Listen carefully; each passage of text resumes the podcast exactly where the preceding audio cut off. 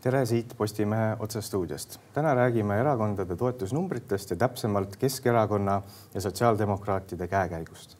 mina olen Martin Mölder ja minuga koos siin stuudios on endine keskerakondlane ja värske sotsiaaldemokraat Tanel Kiik, aitäh tulemast. tervist. Ähm, enne kui lähme erakondade toetusnumbrite juurde, räägime natuke sellest äh, rollimuutusest, mille sa oled pidanud nii-öelda läbi elama, et äh, oma poliitiku teed sa kunagi alustasid Keskerakonnast, siis sa olid korraks sotsiaaldemokraatides, siis sa tulid tagasi Keskerakonda, nüüd sa oled jälle sotsiaaldemokraatides ja hiljuti olid sa äh, Riigikogus äh, Keskerakonna fraktsiooni juht opositsioonis ja nüüd sa oled valitsuserakonna liige. et äh, mis on sinu perspektiivides nüüd viimasel ajal muutunud mm? -hmm noh, see võib-olla varasem nii-öelda Keskerakonnas ja sotsiaaldemokraatide olek on isegi viieteist aasta tagune, et vahepeal ma tegelesin muude asjadega, olin nii-öelda erasektoris.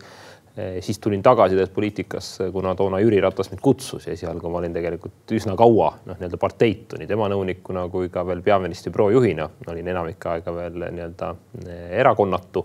aga ühel hetkel otsustasin siiski noh, nii-öelda taas võib-olla siis öelda noh, päris poliitikasse tulla ja nüüd äh, see otsus tulla sotsiaaldemokraatidesse, eks ta sündis pika mõttetöö tulemusena paljude erinevate sündmuste tagajärjel. Ehk et äh, Keskerakonnas on käinud selline võimuvõitlus, noh, võib öelda poolteist aastat väga selgelt see nii-öelda suund, mida tegelikult Mihhail Kõlvart ka kongressil noh, nii-öelda sõnastas, oli ju paljuski vastukäiv minu omaga.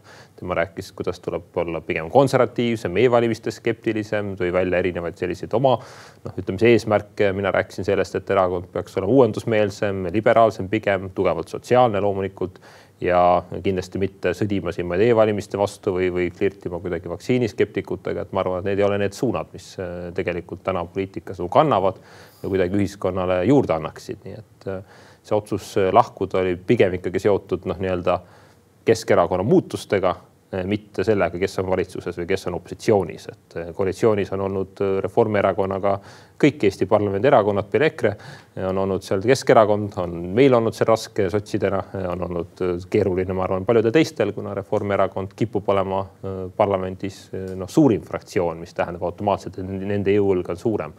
aga ma ei saanud sellest oma nii-öelda samme seades lähtuda, ehk et tänane koalitsioon ühtemoodi, homme teistmoodi, et ega siis sa ei saa iga kord olla nii-öelda Reformierakonnaga opositsioonis ja sellest lähtuvalt siis parteid vahetada. kas Kaja Kallas on praegu Eestile parim peaminister?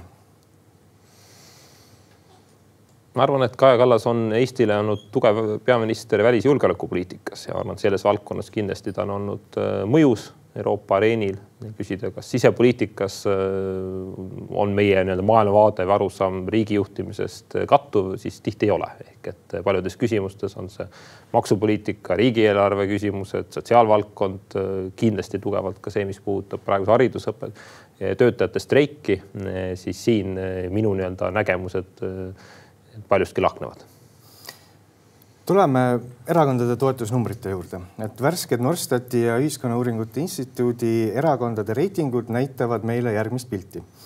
et me näeme, et siin äh, toetusmaastiku ülemises ja alumises otsas on olukord nagu stabiilne, et Isamaa toetus on viimastel kuudel püsinud siin kuskil kahekümne kuue protsendi kandis ning toetustabeli alumises otsas Eesti kakssada tundub, et on nii-öelda saavutanud oma põhja ja nende toetus on stabiilselt kuskil seal umbes kuus protsenti väga olulised muutused, eriti viimastel nädalatel, aga on toimunud siin toetustabeli keskosas, et me näeme, et äh, viimase paari nädalaga EKRE on oma toetust kaotanud äh, ja Reformierakond mõnevõrra oma positsiooni parandanud, mis tähendab seda, et nad on kohad siin vahetanud või kohti vahetamas.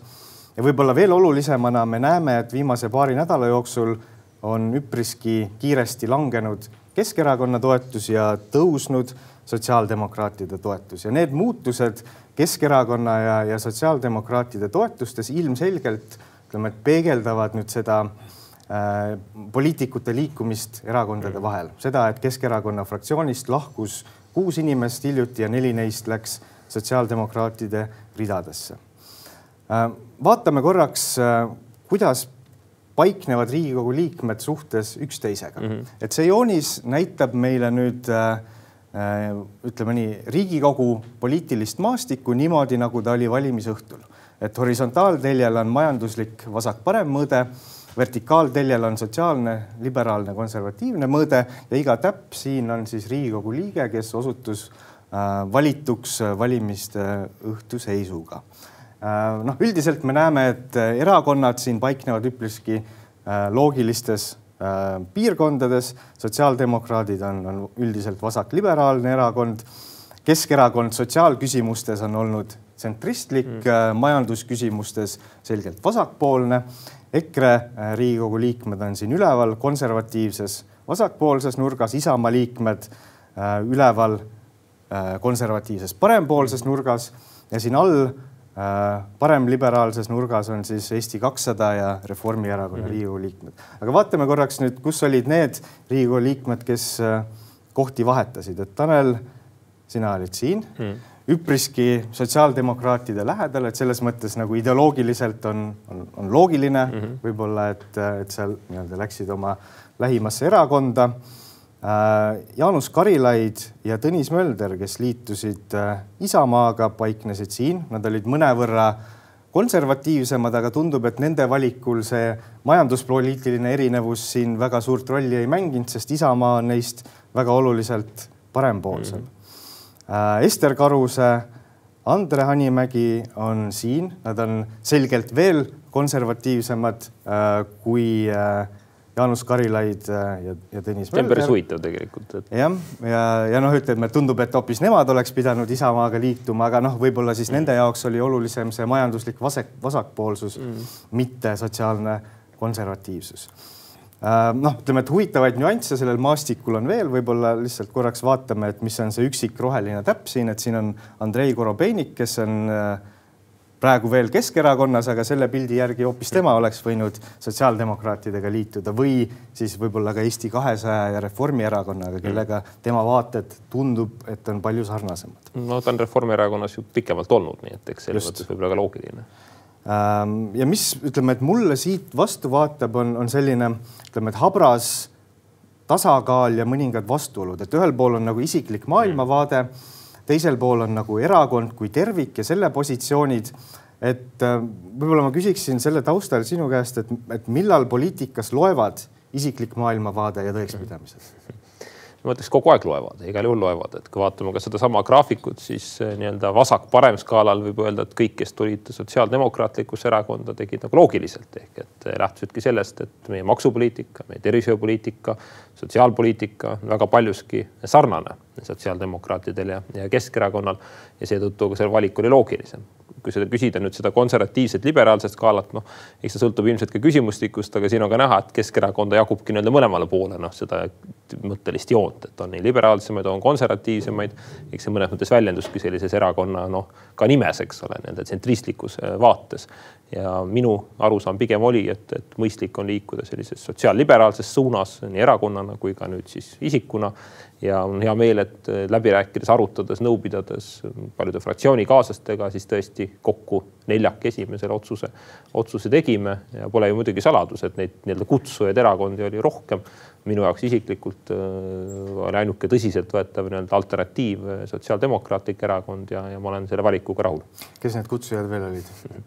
no ma olen väljendanud, minu puhul olid kõik peale EKRE, kes neid vestlusi on pidanud, ma arvan, praktiliselt samamoodi kui ülejäänud mm, nii-öelda meie endiste fraktsioonikaaslaste eh, puhul.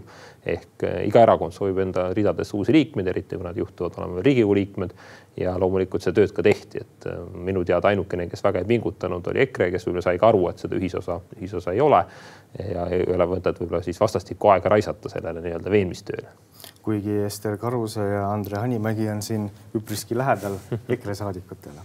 no minu teada kumbki neist seda, seda valikut ei kaalunud enne kui edasi liigume, mainin ära, et need andmed pärinevad siis äh, Postimehe valija kompassist mm. hääleandja, mille täitsid ära umbes kuussada Riigikogu valimistel kandideerinud kandidaati ja mis siis aitas valijatel leida enda maailmavaatele kõige lähem kandidaati mm. -hmm. aga räägime Keskerakonnast, räägime sellest, et millal hakkas Keskerakond mõrenema no julgelt poolteist aastat tagasi tegelikult ehk et erinevad võib-olla sündmused, mis sinna panustasid, et aus on öelda, et, et Venemaa sõda Ukrainas tekitas kindlasti sisepingeid ka erakonna sees, tekitas pingeid ühiskonnas, tekitas ka päris arvestatava languse Keskerakonna toetuses. Samuti valitsuskoalitsiooni lagunemine Reformierakonnaga, kus meil oli erakonnas ka erinevaid arvamusi ja, ja võib-olla seisukohti, et kas on õige minna neid erinevaid eelnõusid, kas siis sisse andma või vastupidi ka tagasi lükkama, ehk et seal neid hääletusi oli mitmeid, kus Keskerakond erines nii-öelda koalitsioonipartnerist ja loomulikult äh, ka see, kui äh, kaks tuhat kakskümmend kaks aasta nii-öelda augustis siis püüti äh, Jaan Tootsi kaudu Jüri Ratase sellist jalgealust õõnestada ja, ja selline sisekampaania mõnes mõttes siis läks ka avalikuks, et tuli nii-öelda nii-öelda alternatiivne esimehe kandidaat, kelle puhul kogu austuses tema vastu said ju kõik aru, et temast erakonna esimeest ei saa ja pigem tema taga olid, olid teised isikud, kes ise seda küll eitavad. ja nüüd poolteist aastat kestnud selline, ma arvaks no ikkagi küllalt intensiivne ja küllalt selgelt polariseeruv kampaania oligi tegelikult tekitanud olukorra, kus Keskerakonnas sellise ühtse meeskonnana jätkamine oli praktiliselt võimatu. et ma arvan, et seda isegi tunnistavad need, kes täna erakonda on jäänud. et hoolimata sellest, et nad veel näitavad näpuga meie peale, ütlevad, et näed, kes kõik need, kes on nii-öelda lahkujad, olidki süüdi selles, aga ma arvan, et see näpuga näitamine ei aita, et alati tuleb ka ise peeglisse vaadata ja fakt on see, et sellist ühtset meeskonnatunnet äh, need viimastel noh isegi võib-olla pooleteist aasta jooksul, aga eriti just nimelt nüüd pärast viimast erakorralist kongressi eh, enam ei ole tekkinud ja ma arvan, et sellisel kujul, sellises mahus enam ei teki ka. noh, vahel on juhtunud, et pärast nii-öelda siseopositsiooni lahkumist erakonnast on erakond muutunud sisemiselt kuidagi tugevamaks mm -hmm. ja ühtsemaks ja teovõimelisemaks, et mis, mis saab olema nüüd muutunud Keskerakonna fraktsiooni roll Riigikogus mm? -hmm noh, esiteks Riigikogu Keskerakonna fraktsiooni ilmestab nüüd asjaolu, et äh, sealt enamik liikmeid lahkunud. see on esimene kord tegelikult ka Keskerakonna ajaloos, et jah, lahkujad on ka enne olnud, aga seekord ei lahkunud mitte vähemus, mitte kolmandik fraktsiooni, nagu siin varasemalt korduvalt on olnud, vaid lahkus tugevalt üle poole äh, Riigikogu Keskerakonna fraktsioonist äh,. mis tähendabki seda, et, et ka see fraktsiooni suurus on nüüd ajalooliselt äh, väike see, kuidas neil edasi läheb, sõltub sellest, kuidas nad ise toimetavad, palju nad tööd teevad, kuidas nad oma sõnumeid seavad, et eh, selles mõttes mina ei hakka neile nii-öelda ei helget tulevikku ega, ega kadu eh, ennustama, et eh, see sõltub erakonna tänasest juhtkonnast, nende valikutest. teiste eest kindlasti sa ei saa rääkida, aga mis oli sinu jaoks isiklikult see viimane piisk karikasse, mis oli see moment, kui sa teadsid, et mm -hmm. nii, nüüd ma lähen mm? -hmm no ma tean, et Yana Toom seda ei usu, aga tema äh, kirjatükk vahetult enne jõule, kus ta teatas ja õigustas seda äh, riigivastaste aktivistide nii-öelda toetamist, seda õigusabikulude maksmist olukorras, kus ma olin korduvalt erakonna sees selle teema tõstatanud nii siselistides, erakonna juhatuse koosolekutel, juhtkonna koosolekutel. juba tundus, et saame aru, et isegi kui meil on siin eriarvamus, siis vähemasti ei tasu selle teemaga nii-öelda meediasse minna nii-öelda äh, vastu rinda taguma ja ennast õigustama, aga seda ta just nimelt nagu tegi. ja selleks hetkeks oli neid väiksemaid põhjuseid just seda nii-öelda nii-öelda meeskonna sellist noh, tunnetuse puudumist ja, ja ka selliseid hõõrdumisi olnud juba piisavalt palju, et äh, siis minu jaoks oli tõesti eh, otsus tehtud, et eh, pikemas vaates selle erakonnaga ennast enam siduda ei saa. Aga see, et konkreetselt, et me nii-öelda kollegiaalselt lahkume, et see otsus sündis ikkagi uue aasta alguses ja siin oligi paljudel erakonnakaaslastel vaja ju mõelda, et mis on nende käigud, mis on nende valikud ja, ja kõigi kuue lahkunu puhul, kes fraktsioonist välja astus, olid ka need valikud ja kaalutlused, noh, paljuski sarnased, aga kindlasti teatud osas erinevad, et kõik on ikkagi indiviidid, et see ei ole päris niimoodi, et mina ütlesin ja kõik tulid, vaid et igaüks pidi jõudma ise sellele selgusele, et äh, kas ja, ja millise erakonnaga ta soovib enda tulevikku siduda. üks lahkumine või üks samm on veel tegemata, et kas Jüri Ratas läheb Tanel Kiige ja Jaak Aabi teed või ta läheb Tõnis Möldri või Jaanus Karilaiu teed? no selleks peate ta ise siia äh, stuudiosse kutsuma. jah aga räägime sotsiaaldemokraatidest. Keskerakond, vähemalt kui ma vaatan Keskerakonna toetusprofiile, siis ta oli ja mingis mõttes ka on erakond, kelle toetajate hulgas on ütleme, et väga selgelt väga palju sotsiaalselt haavataval mm. positsioonil olevaid inimesi, vanemad inimesed mm., vaesemad inimesed. sotsiaaldemokraadid on üldiselt kõnetanud pigem teistsuguseid valijaid, eriti viimasel ajal, et see nagu tõus, mida sotsiaaldemokraadid on, on pärast valimisi nüüd näinud, et see on pigem toimunud ütleme kõrgharidusega valijate seas, pigem rohkem teenivate valijate seas, pigem nooremate seas, äh, pigem lasteta valijate seas, et ähm, kas sotsiaaldemokraatidest ähm, võiks kunagi uuesti saada selline nii-öelda tavalise töörahva erakond? No minu jaoks see on väga oluline eesmärk ja tegelikult äh, seda eesmärki jagavad ja, ja on ka sõnastanud ka tänased Sotsiaaldemokraatliku Erakonna juhid. Ehk äh, soov ei ole olla noh, nii-öelda kümneprotsendise toetusega selline väikepartei, vaid ikkagi seistagi äh, Eestimaa tööinimeste eest, Eestimaa eakate eest olla selle poliitika tasakaalustavaks jõuks, parimaks ja tugevamaks vasaktsentristlikuks erakonnaks. Ehk midagi Eesti võrdluses tuleb öelda, et noh, mõnes mõttes võttagi üle see ajalooline Eesti Keskerakonna roll ja selles vaates on ta ka loogiline, et kui vaatame korra Euroopa kaarti või maailmakaarti, siis Sotsiaaldemokraatlik Erakond ongi reeglina noh, üks kahest suurimast äh, poliitilisest jõust. nii on ta Euroopa Parlamendis, nii on ta, ma ei tea, Põhjamaades, Saksamaal äh,. tänanegi äh, liidukantsler ju sealt pärineb. ehk see peakski olema siht, mille nimel mina ja minu mõttekaaslased ja tänased sotsiaaldemokraadid ühiselt töötavad mis on need nagu ütleme, et kolm esimest sammu, mida peaks tegema, sest see ikkagi tähendab väga olulist nii-öelda valija profiili mm. muutumist, et noh, praegu on, ütleme, sotsiaaldemokraat, kui seda natuke karikatuurina võtta või sotsiaaldemokraatide toetaja on, ütleme, Tallinnas elav noor naine. Mm.. kuidas ütleme, et selline pigem keskealine, keskharidusega töömees mm, -hmm. Kuidas tema saab uuesti sotsiaaldemokraatide valijaks, mis on need konkreetsed sammud, mida tuleks astuda?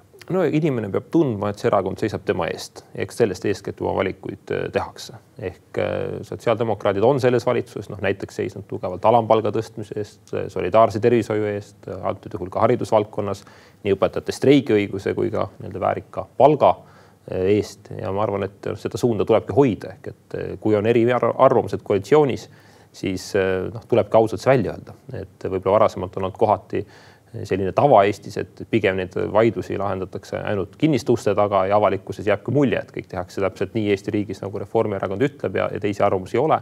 Et antud juhul ma arvan, et sotsiaaldemokraadid on teinud õigesti, et on välja öelnud selle, et, et milline nende arusaam maksupoliitikast, on see pankade maksustamine, on see noh, tegelikult ka astmelise tulumaksutoetus, on see eh, eakatega seotud küsimused, alampalga tõstmise teema, mida ma juba mainisin ja nende eest tuleb seista. praegu loomulikult parlamendis, eh, mis seal salata, sotsiaaldemokraatide jõuõlg ei ole kaugeltki nii suur, kui mulle meeldiks ja ma seda sooviksin. aga kui me suudame noh, valijatele näidata, et need on need teemad, mille eest me seisame, mida me kavatseme noh, ellu viia nii kohalikul tasandil kui ka riigi tasandil, siis kindlasti selline toetuse tõus saab olla järjepidev ja järgmistel Riigikogu valimistel Sotsiaaldemokraatlik Erakond võib vabalt saada üle kahekümne mandaadi parlamenti, mis annab hoopis teised võimalused Eesti riigi poliitikat kujundada Tanel Kiik äh, Keskerakonnas oli valmis EKRE-ga ühes valitsuses olema, kas Tanel Kiik sotsiaaldemokraatides on valmis EKRE-ga ühes valitsuses mm -hmm. olema? no ma arvan seda, et äh, iga valitsuse puhul on alati mingid plussid-miinused küsite minu ideaalvalitsust, noh, ma olen seda enne ka ütelnud, et äh, seal võib-olla oleks juhtivaks jõuks hoopiski need vasaktsentristlikud erakonnad, aga täna parlamendi matemaatika seda lihtsalt ei võimalda ja üks parimaid valitsusi, mis ma arvan, Eestil on olnud, oli Jüri Ratase valitsus, kus olid Keskerakond, Sotsiaaldemokraatlik Erakond ja Isamaa, mis tegelikult tegi päris palju häid otsuseid ja oli heas tasakaalus minu isikliku maailmavaatega. Äh, kas kunagi tulevikus sotsiaaldemokraadid teevad kesk, EKRE-ga, vabandust, koalitsiooni? raske öelda kohalikul tasandil see kindlasti on, riigi tasandil see ei tundu praegu kuigi tõenäoline, vaadates ka EKRE retoorikat, vaadates nende sellist teadlikku tegevust just nimelt sellise noh, ütleme siis polariseerumise süvendamisel, et soovitaksegi näidata, et nemad on kõigi vastu ja, ja teadlikult keeratakse seda vinti üle.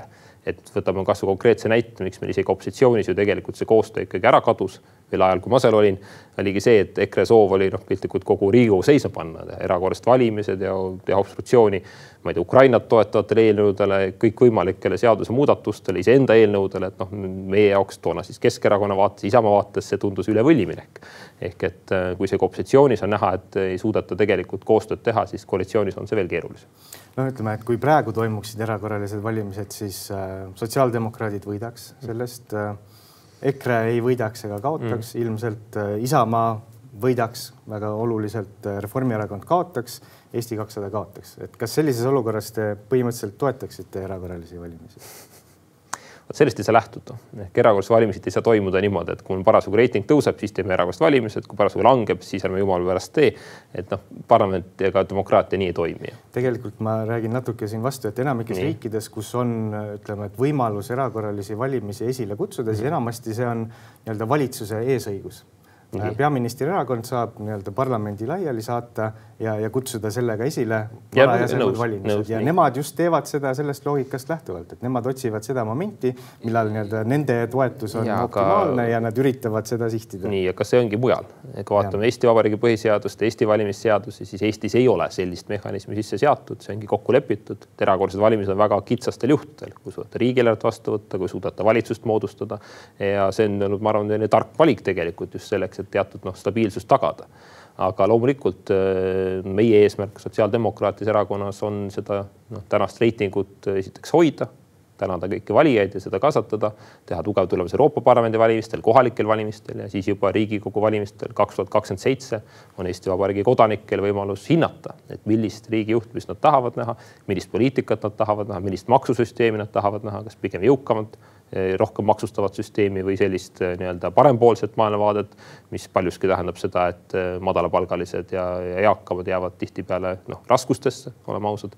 ja siis, kui inimesed on valiku teinud, siis täpselt sellise poliitika nad ka saavad kahe tuhande kahekümne seitsmenda aasta valimised on veel ääretult kaugel ja väga palju jõuab ennem seda muutuda mm., aga kas me kuskil siin selles nii-öelda vähemalt võrreldes eelmiste valimiste tulemusega juba väga palju muutunud toetusmaastikus, kas me siin näeme mingeid, ütleme, et uue võimude jaotuse algeid, mis võiks peegelduda ka kolme aasta pärast valimistel? no ma arvan, tuleb eristada selliseid ajutisi trende pikaajalisematest trendidest ja minu hinnangul, ma nüüd võib-olla ei ole siin objektiivne, aga ma arvan, Sotsiaaldemokraatliku Erakonna tõus on pikaajaline trend, mis jätkub, mis jätkub äh, läbi selle äh, nii-öelda valimistsükli ja mis tegelikult ongi mõistlik, et äh, kujuneb selline väga selge, tugev, vasakpoolne, vasakliberaalne erakond, mis tegelikult seisab nende inimeste eest, on see nii-öelda töölisklass, on see eakad, on see arusaam, et tervishoid, haridus on nii-öelda inimõigused, mitte jõukate privileeg.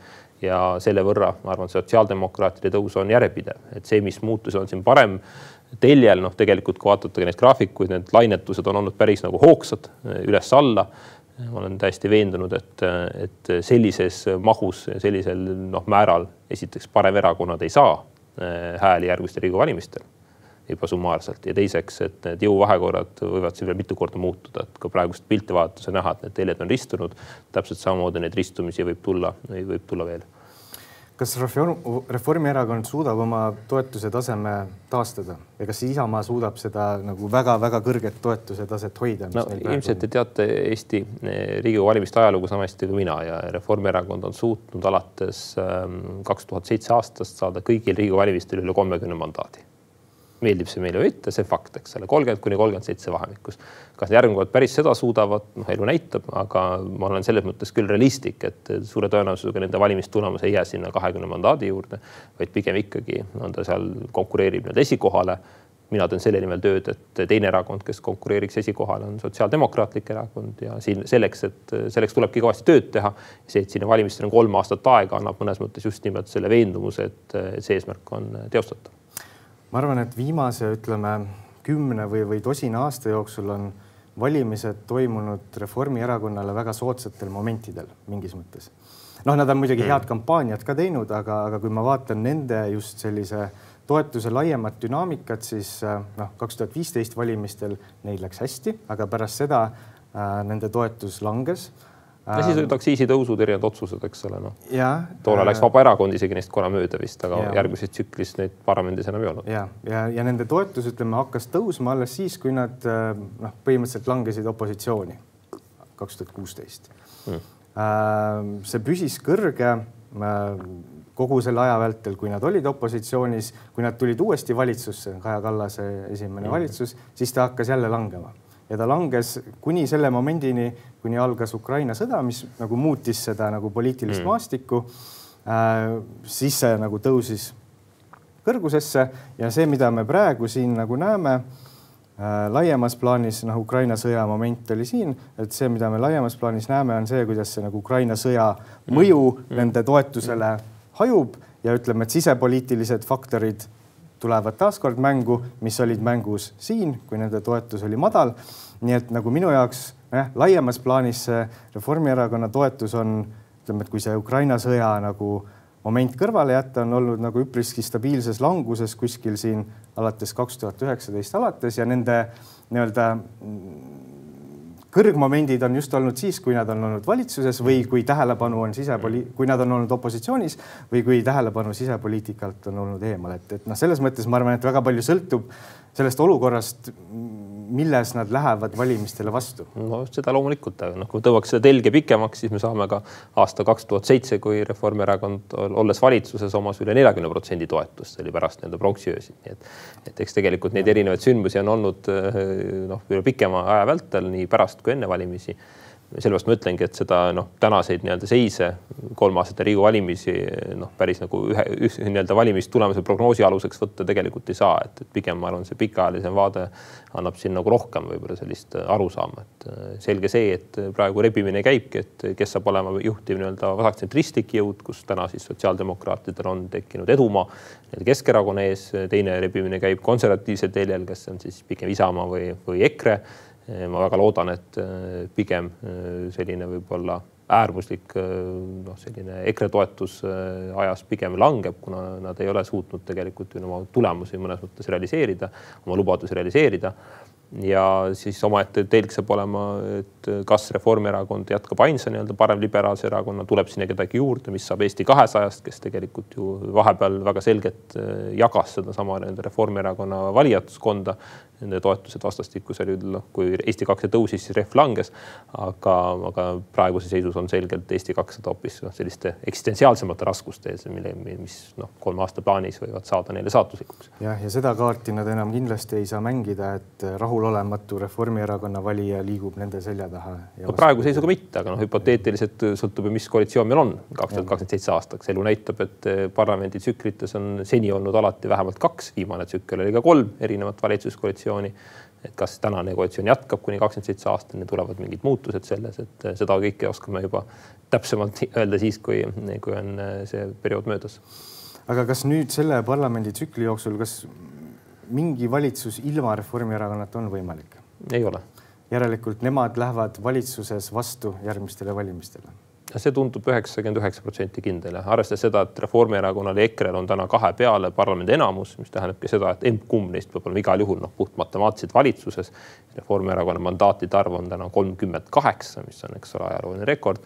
et siis ei tundu realistlik ega usutav, et kõik ülejäänud erakonnad seal mingisugust sellist tribulist koalitsiooni sooviksid ja suudaksid sõlmida. ja ma arvan, et see poleks ka tegelikult kuigi noh, niisugune stabiilne või ütleme, jätkusuutlik valitsemise vorm, et kus ikka neli või viis erakonda valitsuses, siis ma arvan, et seal selliseid kokkulepeteni jõuda, poliitikat kommunikeerida, mingeid pikaajalisi sihte seada, väga keeruline. jah äh,, räägime natuke ka õpetajate streigist, et selline haridusega seotud problemaatika ja õpetajate palga ja töökoormusega seotud problemaatika on olnud teemaks juba ammu, et see on olnud selline valus probleem, mida noh, kuidagi ei ole suudetud rahuldavalt lahendada ja praegu nende valimiste ja selle valitsuse kontekstis see mingis mõttes on ka üle kasvanud, ma ütleksin väikeseks selliseks esindusdemokraatia kriisiks, kus valitsus ja valitsuserakonnad ei tee seda, mida nad lubasid ja mida nad mm. koalitsioonileppesse panid. ja mille tõttu tõenäoliselt paljud nagu õpetajad võib-olla hääletasid nende erakondade poolt, sest enne valimisi lubasid kõik palgatõuse nüüd kõige viimased äh, Norstati ja Ühiskonnauuringute Instituudi küsitlustulemused näitavad, et isegi praegu, kui see streik juba käib, äh, mhm. valijaskonna toetus sellele on laiapõhjaline et, et seitsekümmend kaks protsenti valijatest äh, kiidab selle streigi heaks või on õpetajate selja taga. ja valitsus siin noh, mingis mõttes on mänginud nagu hea ja halva politseiniku mängu, et Kaja Kallas ja Mart Võrklaev on nagu olnud äh, halvad politseinikud, kes, kes ütlevad, et midagi ei ole võimalik ja midagi teha ei saa. ja Eesti kakssada ja sotsiaaldemokraadid on pigem olnud nagu sellises ähm, sümpaatsemas positsioonis õpetajate nõudmiste osas. aga midagi ei ole veel toimunud ja, ja ei ole selge, et, et, et kuidas toimuma hakkab ja, ja fakt on ka see, et noh, Reformierakond üksinda ilma Eesti kahesajata ja ilma sotsiaaldemokraatideta valitseda ei saa. et mida on sotsiaaldemokraadid päriselt valmis valitsuses tegema selleks, et nüüd see probleem kuidagi lahendada mm? -hmm noh, alustuseks on päris palju juba tehtud just nimelt seeläbi, et äh, see teema on noh, võib öelda mitte ainult ühiskonnas noh, nii-öelda fookuses, vaid ta on selgelt ka valitsuskoalitsioonis koalitsiooninõukogus tõstatatud, valitsuskabineti nõupidamistel tõstatatud. ma olen selles vaates mõõdukalt optimistlik, et lõpuks lahenduseni jõutakse ehk nii Sotsiaaldemokraatliku Erakonna positsioon kui ka Eesti kahesaja oma on, et meil tuleb tegelikult leida need lahendused, nii lühi kui pikaajalised lahendused, neid kahte ei pea omavahel vastandama. ja haridustöötajate õigus streikida on loomulikult noh, nii-öelda seadusest tulenev, aga ega siis õpetajate noh, nii-öelda jaoks ei ole see ju selline esimene eelistus või, või et, et muud ei ole teha, vaid pigem see näitab teatud frustratsiooni, ta näitab tõesti seda ootust, et poliitikud täidaksid oma lubadusi ja näitab ka seda, et äh, õpetajad on siiralt mures noh, nii-öelda haridusvaldkonna tuleviku ja järelkasvu pärast. Ja need mured on ju igati mõistetavad, mistõttu on ka loogiline, et, et valitsus lõpuks siin mingisuguse adekvaatse lahenduse suudab pakkuda.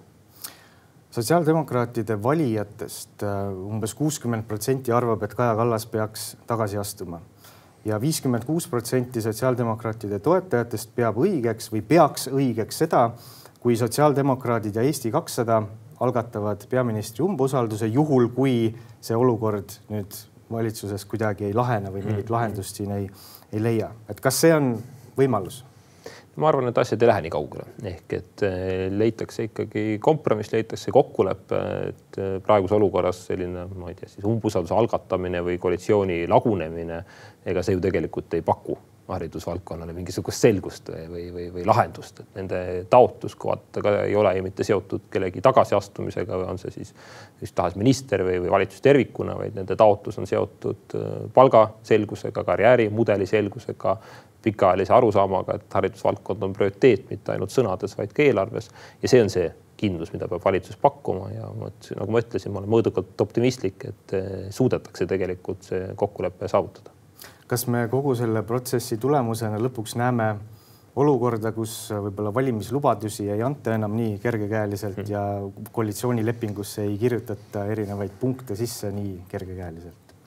elu näitab seda, aga eks ta näitab paljuski seda, et, ähm, et võib-olla see taotlus, mida on tegelikult pikalt ka tehtud, et äh, erinevad erakonnad lisaks oma valimislubadustele tooksid välja ka need katteallikad. et mille arvelt ma kavatsen seda või teist teha. Olles ka ise koostanud nii mõnegi valimisplatvormi, ma tean, et enamikele erakonna meeldib sinna sisse kirjutada majanduskasv Äh, ma ei tea, siis äh, bürokraatia vähendamine, noh, sellised toredad populaarsed asjad, on üksikuid erakondi nagu sotsiaaldemokraadid ja, ja, ja varasemalt ka Keskerakond, kes on siis välja öelnud ka erinevad maksupoliitilised muudatused, sealhulgas enne valimisi.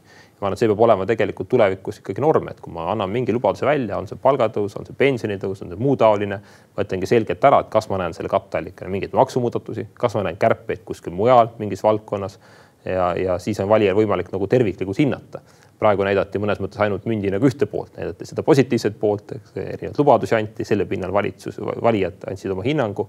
aga nüüd selgub, et mündil on ka teine külg ja loomulikult nendel valimistel, kui räägime konkreetselt kaks tuhat kakskümmend kolm aastast, äh, oli üks noh, teistest suurem ja, ja kõnekam teema, milleks oli välisjulgeolekupoliitika, julgeolek, Venemaa sõda Ukrainas, mis paratamatult tähendas, et võib-olla sellisele debatile, mis tegelikult väärinuks tähelepanu, see oma katteallikate pool, tulude pool, maksu pool, ei pööratud nii palju tähelepanu kui võib-olla näiteks järgmistel Riigikogu valimistel.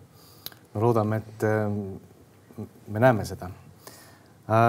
Äh, kiire küsimus äh, tuumajaamast mm., et sotsiaaldemokraadid on üldiselt pigem tuumajaama ehitamise vastu Eestis, välja arvatud üksikud mm. erakonnaliikmed mm. nagu Lembit Kaplinski, kes on olnud selle poolt.